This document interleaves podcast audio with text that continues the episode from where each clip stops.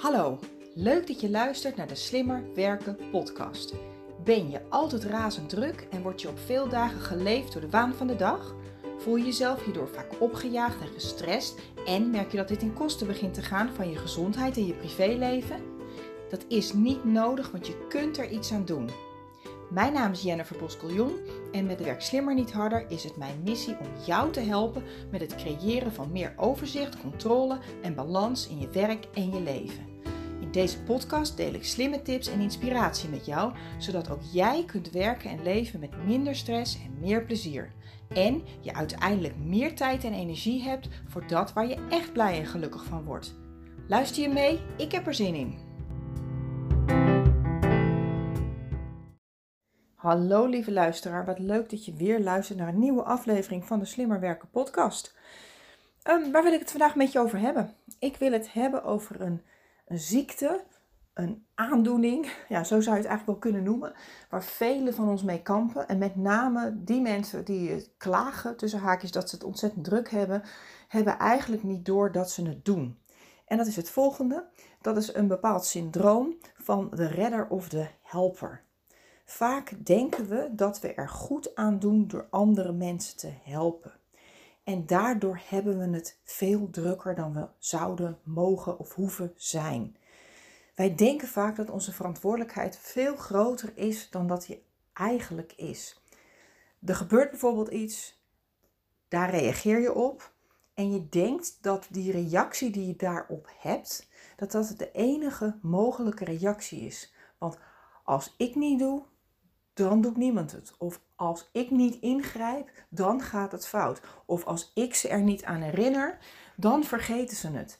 Ehm, en als ik het niet doe, dan gebeurt het niet op het moment dat het zou moeten. Dan halen ze hun deadline niet of dan is de kwaliteit niet goed genoeg. Wij denken heel vaak dat wij veel grotere verantwoordelijkheid hebben dan we eigenlijk hebben. En daarmee maken we onszelf veel drukker dan dat we eigenlijk zouden hoeven zijn.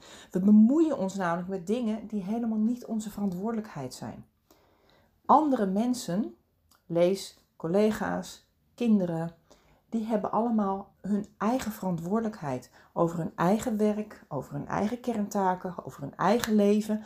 En met name de perfectionistische, servicegerichte, uh, serieuze, betrokken mensen, en waarschijnlijk hoor jij daar ook bij, um, vinden dat lastig om dingen fout te laten gaan. Vinden het lastig om anderen hun eigen struggle te laten ervaren, om anderen hun eigen ding te laten doen en eigenlijk ook anderen hun eigen les te laten leren. Maar het grappige is, dat wat je uitstraalt krijg je terug. En door mensen continu te helpen, brandjes voor ze te blussen, ze voortijdig ergens voor te waarschuwen, eh, ze allerlei dingen uit handen te nemen, ze ongevraagd te adviseren. Daardoor creëer je eigenlijk mensen die laks worden, ze worden ja, lui, ehm, ze worden ook een beetje dommer. Want het grappige is, dat is ook daadwerkelijk uh, wetenschappelijk onderzoek eh, heeft uitgewezen, dat op het moment dat wij in de buurt zijn van iemand waarvan wij denken dat hij op bepaalde vlakken uh, beter of intelligenter is, dan worden we letterlijk een aantal IQ dommer. Want dan denken we van oké, de belastingadviseur die weet het wel. Oké, mijn manager of mijn directeur, als hij in de buurt is, dan hoef ik niet zelf te na te denken. Of als mijn moeder of mijn vader in de buurt is, dan hoef ik niet zelf na te denken. Want dan is er een autoritair in de buurt. En die autoritair ook nog eens een keer op het moment dat jij als autoritair dat ook uitstraalt, niet alleen met je woorden, maar ook met je acties, dat je dingen voor mensen wegrist of dat je problemen voor mensen oplost, zonder dat ze misschien ook zelfs hebben ervaren dat ze een probleem hebben. Daarmee hou je het eigenlijk in stand. Je houdt een ongewenste situatie in stand. Um, ik heb zelf wel eens de, het idee gehad, ik weet niet eens of ik het zelf bedacht heb, maar ik vond het wel een mooie metafoor. Ik weet niet of je het, um, de sport curling kent. Hè? Dat is op, op, ijs en dan worden er schijven worden er gegooid. En dan is er dus, zijn er altijd twee mensen die, die het ijs glad maken voor die schijf. Zodat die zo ver mogelijk kan rollen of kan schuiven. En dat is wat wij ook heel vaak doen voor andere mensen. Wij zijn een curling ouder, wij zijn een curling collega, wij zijn een curling nou, manager Um, door altijd maar alles voor mensen, ja, het, het, pad te effenen voor mensen, gaan ze niet hun eigen dingen leren, gaan ze niet hun eigen verantwoordelijkheid nemen. En het vervelende is, ze leren er ook niet van. Want mensen gaan pas leren om andere dingen te doen als ze ergens last van hebben. Zelf zul je dat ook wel herkennen. Je gaat pas veranderen als je ergens last van hebt. Maar als iemand anders ja, het al oplost voordat je überhaupt misschien wel door hebt dat er een probleem is, of voordat je hebt kunnen ervaren hoe het is om dat probleem te hebben, vaak zien mensen het probleem tussen haakjes of de uitdaging niet eens zelf, omdat jij het eigenlijk al hebt opgelost voor ze. Um, ik noem maar wat, als jij kinderen hebt en die moeten naar school en je doet elke avond een lunchbox maken, een, een, zwemkleren of hun sportkleren klaarleggen, uh, de tassen en de jassen ophangen en leeg, uh, ja, leegmaken, dan zullen zij nooit leren dat het misschien wel handig, verstandig en slim is om je spullen op te ruimen. Als jij niet zorgt dat de spullen ook altijd daadwerkelijk op tijd gewassen uit de, de wasmachine zijn, uh, en gedroogd en weer in de tas zitten, dan zullen ze ook nooit ervaren dat het misschien wel handig is om ze in de was te gooien, omdat je anders misgrijpt. Voor collega's geldt precies hetzelfde. Op het moment dat jij van tevoren al hebt gezegd: Oh, maar dat regel ik wel voor je. Oh, dat stuur ik je wel op. Oh, ik maak die notulen wel. Of Oh ja, ik, ik, ik ga er wel even achteraan. Dan worden mensen lui. Ze worden lui en ze worden ook eigenlijk dommer, want ze leren er niet van. Vaak uh, signaleren mensen best wel dat ze dit doen. Nou, wel, heel vaak zijn we er blind voor. En op het moment dat ik met mensen daarover in gesprek ga, nou misschien dat jij dat nu ook hebt op het moment dat ik je dit uitleg, dan realiseren ze zich of herkennen ze dat het best wel, ja, dat zij dit ook best wel doen. Maar vervolgens, waarom doe je het? En als ik dan de vraag stel aan jou van, nou, waarom doe je dat dan? Dan komen er een legio aan drogredenen, aan antwoorden, die, eh, als je er goed over nadenkt, eigenlijk niet echt allemaal helemaal valide zijn. Bijvoorbeeld, als ik het niet doe, doet niemand het. Als ik het niet doe, dan gebeurt het niet. Of dan zijn ze te laat. Of dan gaat het niet goed. Maar dat zijn allemaal angsten van jou. Jij projecteert jouw angsten op de ander. Uh, er is ook nog een andere reden waarom we dit wel eens doen. En dat is dan met name in wat, wat andere settings um, van kennissen of collega's, familieleden. Zo van, als ik het niet doe, dan houden ze niet van me. Dan verdien ik geen liefde. Ik moet dat voor ze doen. Ik moet lief voor ze zijn. Ik moet dingen voor ze doen om uh, ja, eigenlijk hun liefde en goedkeuring te verdienen. Nou, dat is natuurlijk ook, ja, in principe als je erover nadenkt, is dat natuurlijk nooit waar. Want jij mag altijd zijn wie je bent, ongeacht wat je doet. Ongeacht wat je doet, doe je ertoe. Ongeacht wat je doet, um, ja, ben je, verdien je het om lief geworden te worden? Verdien je het om, om geliefd te zijn? Uh, ik merk ook vaak dat uh, dit soort gedrag um, voortkomt uit dan wel een gebrek aan eigenwaarde slash zelfliefde. dan gaan we pleasen, dan gaan we uh, overcompenseren, dan uh, gaan we uh, dingen mensen uit handen nemen, dan gaan we eigenlijk ongevraagd dingen, ja, mensen helpen. Ik, ik heb zelf ooit een collega gehad, een, een super lieve dame, maar die ja, was echt zo'n truus voor degene die als je ooit uh, de fabeltjeskrant uh, in je kindertijd misschien nog hebt gezien of als je weet wat het is, dan nou ja, bij deze Truus de Mier, dat was een, een, een, nogal actief miertje in een, een poppenserie. En die maakte ook geluid van. Dus dat, ja, die Truus de Mier, dat was echt iemand die, ja, die veel dingen in het huishouden doet, veel dingen voor andere mensen doet, altijd bezig is. Nou, dat was deze collega ook. En um, die hoefde eigenlijk maar te kikken en ze deed voor je. En ik merkte dat ik op een gegeven moment ook echt zoiets had van... Oh ja, zij pakt het wel op. Oh, dat ga ik niet doen hoor. Ik wil even eventjes mijn mond houden en ik hoor dat zij het wel gaat doen. Uh, hetzelfde geldt bijvoorbeeld voor mijn ouders. Op het moment dat ik daar binnenkom... Nou, ik ben uh, uh, behoorlijk op leeftijd al. En op het moment dat ik daar binnenkom... word ik toch eigenlijk weer die tiener van vroeger. Dan zit ik op de bank... En dan, uh, ja, eigenlijk laat ik gelijk alles uit mijn handen vallen. Inmiddels worden ze wat ouder, dus ik merk ook echt wel dat het soms ook wel fijn is om ze een beetje te helpen. Maar ze zijn nog hartstikke mobiel, ze zijn nog hartstikke fit. En, uh, en daar word ik gelijk weer dat kind van vroeger. Daar word ik gelijk weer uh, ja, dat gepemperde kind eigenlijk. Andere redenen waarom we dit doen, of waarom het vaak zo lastig is, is omdat we het moeilijk vinden om dingen fout te zien gaan vaak zit daar ook een angst onder. Hè. Waar ik net over had, was een angst om niet geliefd te zijn, om niet geaccepteerd te worden zoals je bent. Uh, er zit soms ook gewoon een angst onder dat dingen fout gaan. Uh, letterlijke gebrek van gevoel van veiligheid. Van oh, maar als ik dit niet doe of als dat niet goed gaat, dan gaat dat fout. En dan kan het misschien. Ja, dat, dat is eigenlijk een soort domino aan, aan negatieve gedachten die daar vaak onbewust aan ten grondslag ligt Vaak denken we dan van, oh ja, maar als ik het niet doe, dan ehm, gaat het fout. En als het fout gaat, dan verliezen we misschien die klant. En als we dan misschien die klant verliezen, dan zou het zomaar kunnen zijn dat uh, uh, ik een slechte beoordeling krijg en dan raak ik mijn baan kwijt. Of het bedrijf gaat failliet. Kijk, het is niet zozeer dat je dat bewust erbij haalt. Vaak zijn we wel rationeel genoeg. Maar er zit vaak toch een, een soort angst onder.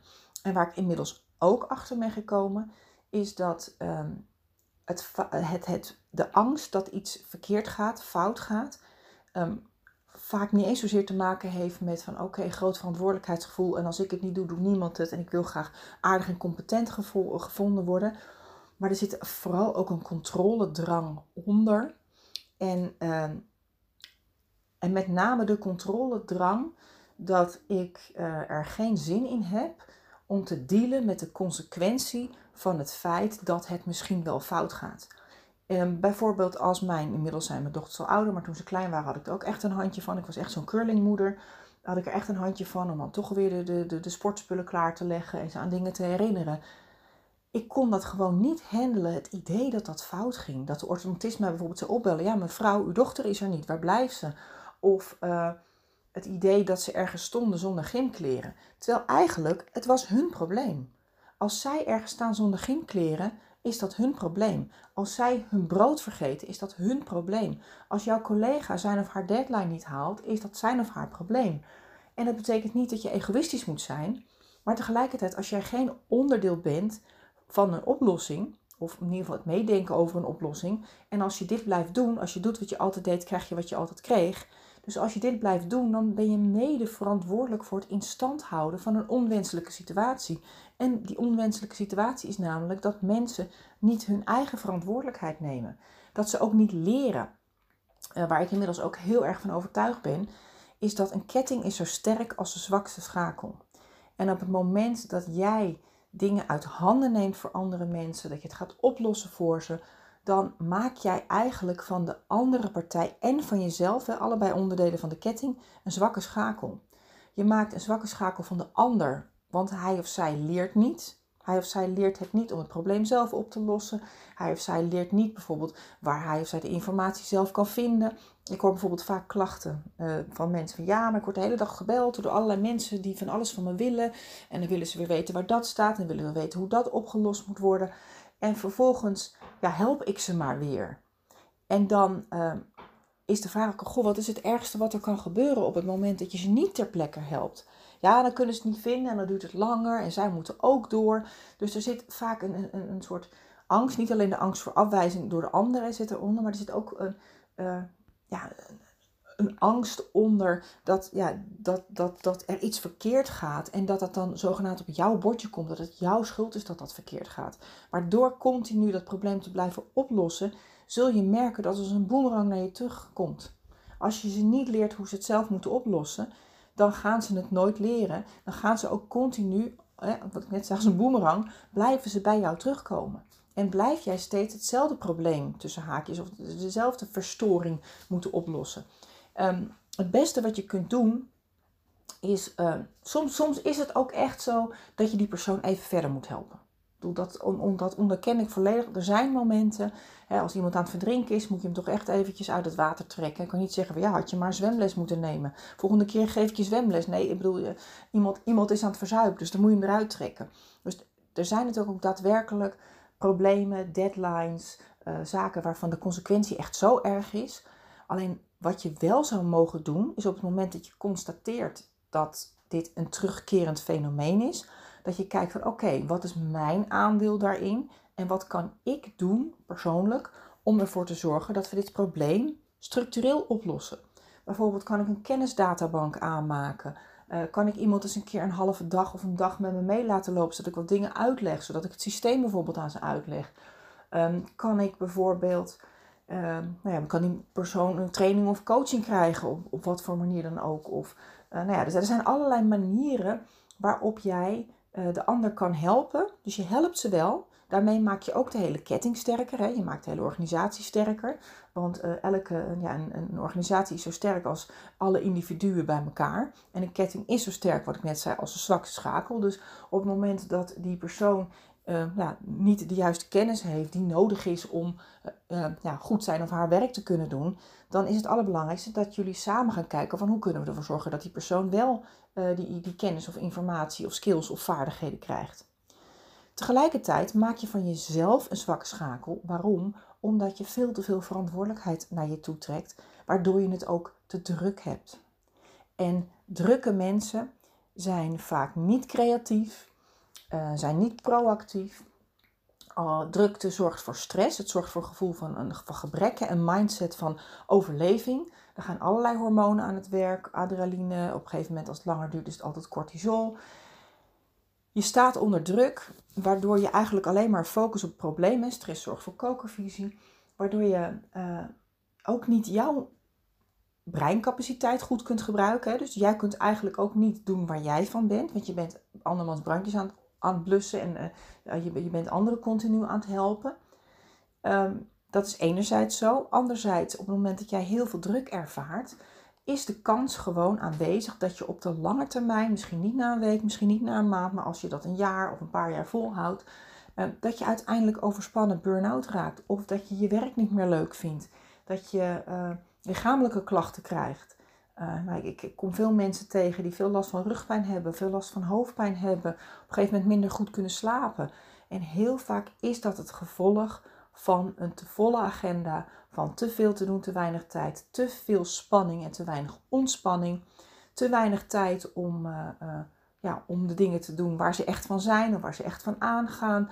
Ze kunnen zich niet meer opladen, waardoor ze aan het eind van de dag ontzettend moe zijn en nou ja, eigenlijk geen energie meer hebben, ook om de dingen te doen waar ze blij van worden. Dus geen energie meer hebben om een cursus te volgen of lekker te gaan sporten of met vrienden of vriendinnen leuke dingen te gaan doen of hobby's uit te oefenen. Terwijl die dingen, dat zijn die dingen die je juist nodig hebt in je vrije tijd bijvoorbeeld.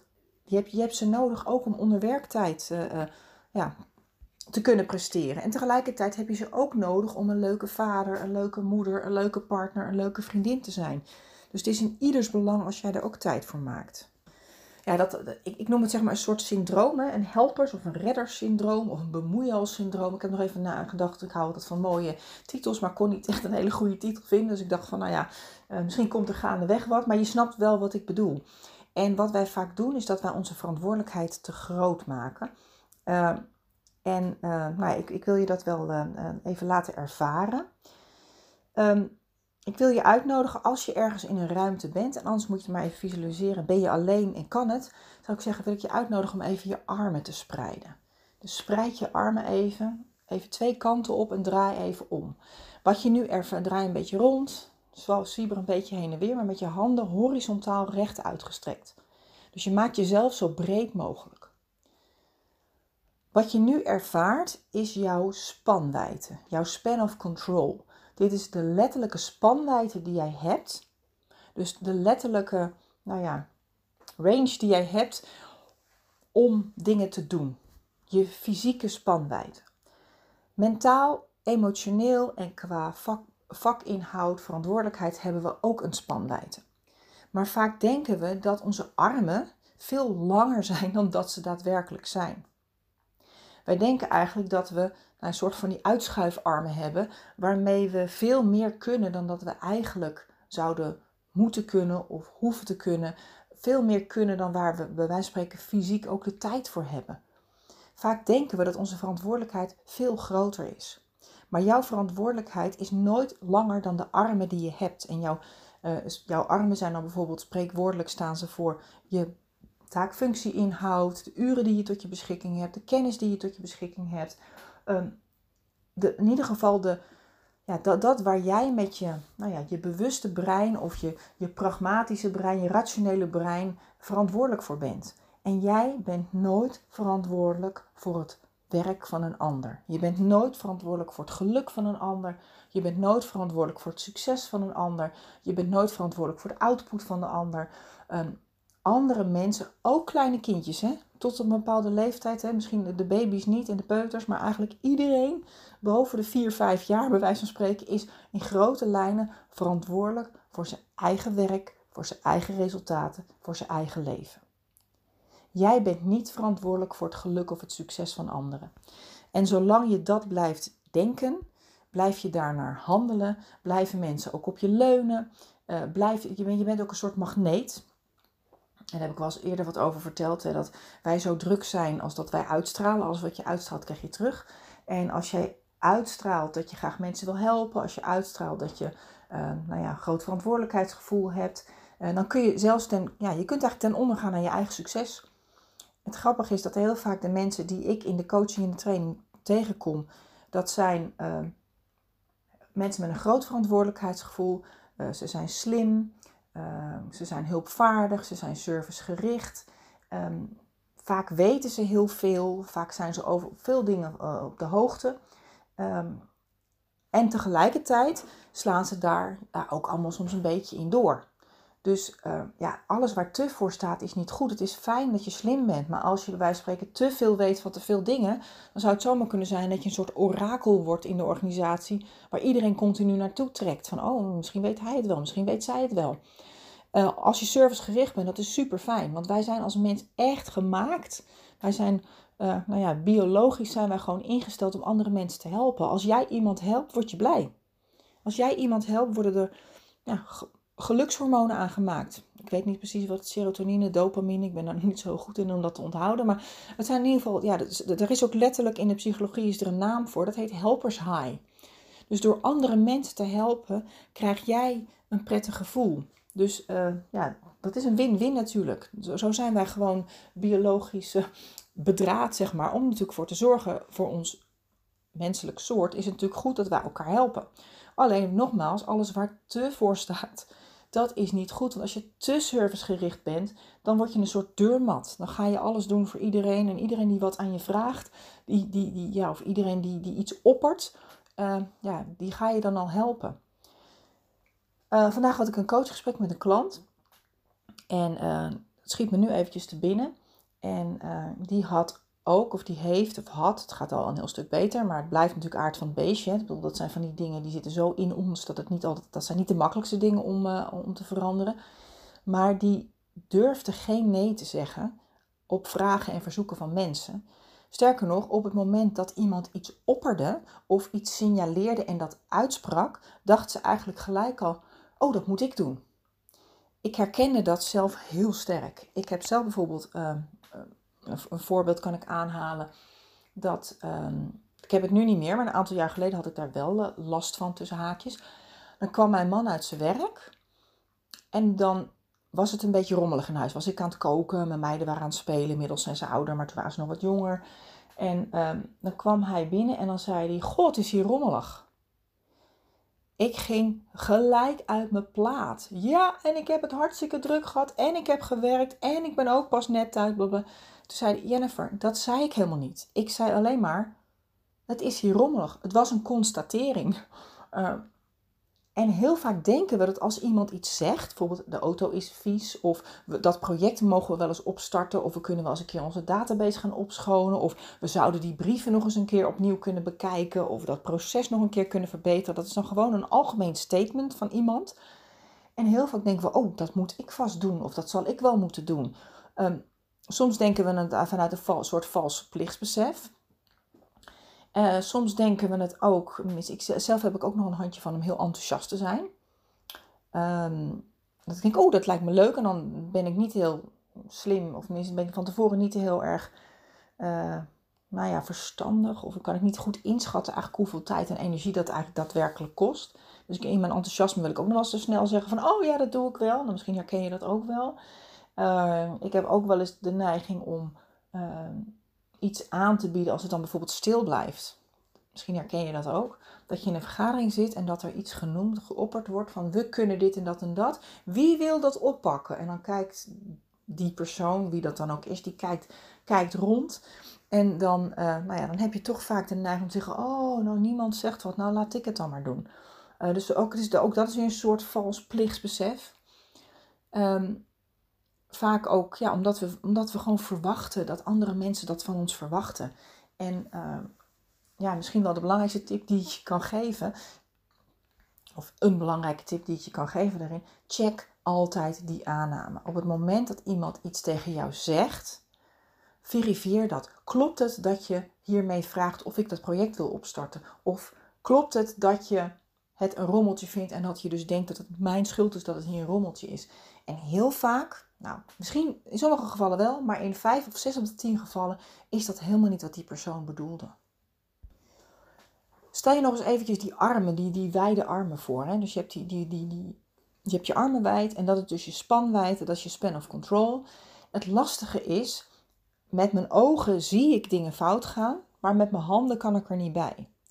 Wat ik vaak doe, wat we vaak doen op het moment dat we een ander willen helpen, is eigenlijk naar één kant toe hellen om je armen te verlengen. Want je kan je armen niet verlengen. Want je arm is maar bijvoorbeeld een meter lang. Het enige wat je kan doen is uit je kracht gaan staan, uit je centrum en ergens naartoe bewegen, waardoor je heel wiebelig voelt. Je staat eigenlijk dan op één been. Uh, en omdat jouw spanwijdte nooit langer of groter kan zijn dan jouw armen lang zijn, als je naar links helt, dan moet je rechts iets laten vallen. Dus wat jij ook doet als je een ander mens helpt, hè, vanuit de beste intenties, het kost jou altijd iets. Het kost jou altijd iets anders wat je dan niet kan doen. Dus realiseer je ook dat als je andere mensen helpt, gaat dat ook ten koste van ja, zaken die in jouw eigen uh, kernpakket vallen of zaken die voor jou belangrijk zijn. En ik kom het ook heel vaak tegen, en ook daar heb ik persoonlijk veel voorbeelden van, uh, dat mensen met alle beste bedoelingen ontzettend veel doen voor een ander. Alle telefoontjes aannemen, mails beantwoorden, vergaderingen notuleren, projecten opstarten, uh, alle mensen continu te woord staan. Um, om uiteindelijk een negatieve of niet zo goede beoordeling te krijgen van hun eigen leidinggevende, omdat ze hun eigen kerntaak te weinig aandacht hebben gegeven. En dat is ook heel belangrijk, dat je je dat realiseert. Op het moment dat ik een ander help, levert me dat wat op. Hè? Het levert je altijd iets op, maar het kost je ook iets. En is, ja, zijn de kosten, of zijn de baten, de kosten waard? En kost het je niet meer dan dat het je oplevert. En, en, wat ook nog eens een keer is, het, levert ons vaak korte termijn een goed gevoel op. Korte termijn denk je, oh fijn, ik heb iemand geholpen. Ik krijg weer heel eventjes kort een, een, een duimpje omhoog of even een, een, een fictief schouderklopje. Oh, wat fijn dat je me geholpen hebt. Maar op de lange termijn los je vaak het probleem niet op. Vaak moet je op de korte termijn iets doen wat vervelend, lastig, moeilijk, irritant, oncomfortabel is. Bijvoorbeeld, nee, nu niet. Ik maak nu eerst dit af, ik kom er later bij je op terug. Of nee, ik kan het project niet oppakken, want ik heb al te veel op mijn bordje liggen. Soms moet je op korte termijn iets doen wat dan oncomfortabel en vervelend voelt, om op de lange termijn wel die resultaten te kunnen halen, om um, uiteindelijk succesvol, gelukkig en gezond te kunnen zijn. En ook dat is altijd in het belang van het collectief. Dus als jij ervoor kiest om op een bepaald moment nee te zeggen tegen een verzoek van iemand anders, zeg je ja tegen jouw eigen kerntaak. Je zegt ja tegen jouw eigen prioriteiten. Je zegt vaak ook ja tegen je eigen geluk, tegen je eigen gezondheid. En ja, uh, soms maak je daar geen vrienden mee. Dat is vervelend. Als, als, de meeste van ons zijn ook echt wel aangelegd uh, mentaal, emotioneel aangelegd om andere mensen te willen helpen, om, om, om, competent, betrouwbaar en aardig gevonden te worden. Maar mijn ervaring is ook dat je juist veel respect wint door eerlijk te zijn. Het is niet altijd aardig om aardig te zijn. Soms, je kunt beter soms minder aardig zijn, maar eerlijk. Dan ben je eerlijk naar de ander en eerlijk uh, naar jezelf ook en jouw uh, kerntaken. Klein voorbeeldje wat me net te binnen schoot is dat ik bijvoorbeeld, ik zing in een band. En dat doe ik met ontzettend veel plezier. En als het goed is, mogen we vanavond voor het eerst sinds een lockdownperiode weer bij elkaar komen. Dus ik kijk er nu al heel erg naar uit. En van de week stuurde een van de bandleden een appje van ja, Jennifer, er is nog een andere zangeres die ook misschien wel mee wil zingen. En mijn eerste reactie was: nee, dat wil ik helemaal niet. Ten eerste heb ik jarenlang in een groepje gezongen en ik vind het juist zo gaaf om het nu om uit mijn comfortzone te gaan. Hè? Want veel een groot onderdeel van ons geluk zit vaak uh, aan het einde van je comfortzone. Ik vind het spannend om in mijn eentje in de microfoon te moeten zingen, maar ik vind het wel ontzettend leuk en ik merk wel dat het elke keer beter gaat. Dat ik mezelf daarmee verbeter, dat ik over bepaalde gêne heen ga. Dat ik ook uh, af en toe ben nogal geneigd om dingen die ik moeilijk vind voor me uit te schuiven. En nu moet ik soms een bepaald nummer zingen, of tenminste een bepaalde toonhoogte, uh, die ik een beetje lastig vind. Dus ik word echt gedwongen om mezelf te verbeteren. En ik dacht, ja, als we weer een andere zangeres erbij gaan nemen. Enerzijds denk ja, is het dan niet egoïstisch? Vinden, ze, vinden zij me dan niet egoïstisch? Stel ik andere mensen niet teleur? En toen dacht ik, nee Jennifer, je moet doen wat goed is voor jou. En dat is ook goed voor het collectief. Want als ik straks in die band aan het zingen ben en ik sta er een beetje geïrriteerd of gefrustreerd bij, omdat ik bijvoorbeeld niet zoveel kan zingen of niet die stukken kan zingen die ik wil zingen, omdat ik mijn beperkte zangtijd, want het is ook maar een uurtje in de week, ook nog eens een keer met iemand anders moet delen. En van dat uurtje zingen wij maar spelen we maar, maar, maar sec 40 minuten, ben ik als zangeres misschien 30 minuten actief aan het zingen. Want zij moeten natuurlijk ook riedeltjes met elkaar oefenen. En, uh... dus ik dacht, nee, dat ga ik niet doen. Want dat betekent dat ik mijn half uur ook nog eens een keer terugdring naar een kwartier. Oké, nou, kort en goed. Um, ik vond het oncomfortabel, maar ik heb uiteindelijk toch, uh, uh, toch nee gezegd. Maar ik ben een beetje afgedwaald. het ging eigenlijk over iets anders. Het ging over het uh, niet te groot maken van je verantwoordelijkheid. Het ging over helpen versus controledrang. Wij denken vaak dat we, dat we willen helpen, maar onder dat helpen zit heel vaak uh, angst voor afwijzing, maar ook controledrang. En met name het niet kunnen handelen van het onheimische, vervelende gevoel dat je hebt, de angst, er zit altijd een angst onder, dat is ook een angst, dat je bang bent van wat gebeurt er als dit fout gaat. En dat kun je relativeren. Je kunt echt denken van oké, als dit fout gaat, hoe erg is dat echt? Wat gaat er dan fout? En vooral belangrijk, is het jouw verantwoordelijkheid of de verantwoordelijkheid van een ander? Want het is echt, uh, andere mensen zijn verantwoordelijk voor hun werk, hun leven. Jij bent 100% verantwoordelijk voor jouw leven, niet 100, 120%. En zij zijn 100% verantwoordelijk voor hun werk en hun leven. En niet 80%. Het is niet zozeer dat jij 20% van hun verantwoordelijkheid moet overnemen. Nou, ik uh, ben benieuwd. Heb jij last van dat reddersyndroom of, dat, of die controledrang? En uh, uh, herken je jezelf hierin?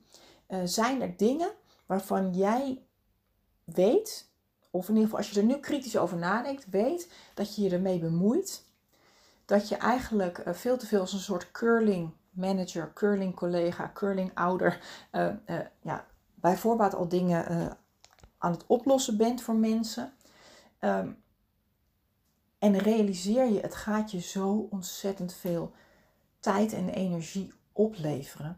In eerste instantie kost het even tijd en energie, want je, je moet er echt even in investeren. En dat is in het begin even oncomfortabel.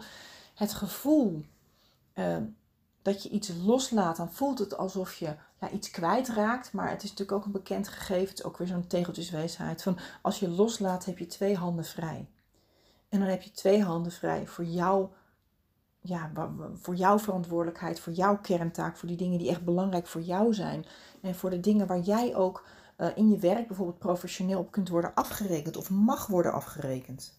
En bedenk echt, het helpen van andere mensen, het is een keuze je bent nooit een soort slachtoffer uh, of redder tegen wil en dank. Je doet het zelf. Niemand dwingt jou om uh, sportspullen voor je kinderen te pakken, of de notulen van een vergadering te maken, of uh, een stuk te schrijven, omdat niemand anders het wil. Niemand dwingt jou. Het enige, jij dwingt jezelf daarmee, of je dwingt jezelf daartoe door de consequentie van het nee zeggen niet te willen accepteren. En je, je dwingt jezelf ertoe door ja, ja, het idee te hebben. Het is natuurlijk een vals idee. Hè? Het, is natuurlijk, het is nooit echt maar het idee te hebben dat jij het moet doen. Maar je moet niks. Wat ik ook een leuke vind, daar ga ik binnenkort weer een aflevering over opnemen. Je moet niks. De vraag is echt, wil je het? Kun je het? Uh, maar je moet niks. Uiteindelijk is alles wat je doet in je leven is een, een keuze. En het is misschien niet altijd een bewuste keuze, maar ik wil je vragen, denk erover na. Op welke momenten maak jij jouw verantwoordelijkheid te groot? Op welke manier creëer je daardoor eigenlijk incompetente slachtoffers in je omgeving? Wat zou je kunnen doen? Uh, en je zou ook, je zou, je zou ook heel klein kunnen beginnen. Hè? Bijvoorbeeld uh, alleen maar met de gymspullen. Of alleen maar als de rondvraag, uh, als de rondvraag er is, dat je heel even je mond houdt. Al zou je maar 30 seconden of een minuut je mond houden. Of al zeg je maar van ja, ik wacht eventjes. Ik kan het nu even niet inschatten. Ik kom er later bij je op terug. Ik kan nu nog niet inschatten of ik hier wel of geen tijd voor heb. Vaak helpt dat ook. dat je even, even wat, ja, wat, wat bedenktijd uh, uh, ja, neemt. En relativeer hoe erg is het echt? Wat gaat er fout als jij je niet mee bemoeit? Maar vooral ook wat is het voordeel als je je er niet meer mee bemoeit? Wat gaat het je opleveren aan tijd, aan energie? Um, maar bedenk, een ketting is zo sterk als een zwakste schakel. Dus misschien is het zomaar zo dat, dat andere mensen, je kinderen, dan wel je collega's, ehm, dat je ze er een dienst mee bewijst. Zodat, want ze, ze leren namelijk om het zelf te doen. En daar, daar worden zij over het algemeen ook gelukkiger van. Nou, ik ga afronden. Ontzettend bedankt voor het luisteren. En uh, nou, mocht ik je nog uh, een keer treffen, uh, ik hoor je natuurlijk heel graag in de volgende aflevering. En nou ja, je weet me altijd te vinden op LinkedIn of op andere social media. Onder bijvoorbeeld Werk Slimmer, Werk Slimmer op Instagram. en anders nou, zie ik je graag in de online zelfstudie bijvoorbeeld. Die kun je vinden op www.slimmerwerkacademy.nl. Dankjewel voor het luisteren en veel succes!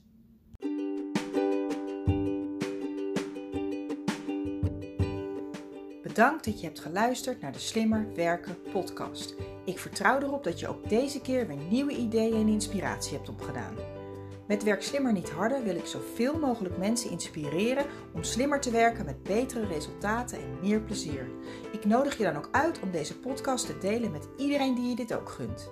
Verder zou ik het heel leuk vinden om van jou te horen wat deze aflevering je heeft opgeleverd en natuurlijk wat je ermee gaat doen. Stuur me dan een bericht of tag me op social media. En wil je nog meer tips en inspiratie? Kijk dan op wsnh.nl voor artikelen en downloads. Heel veel succes en graag tot de volgende keer.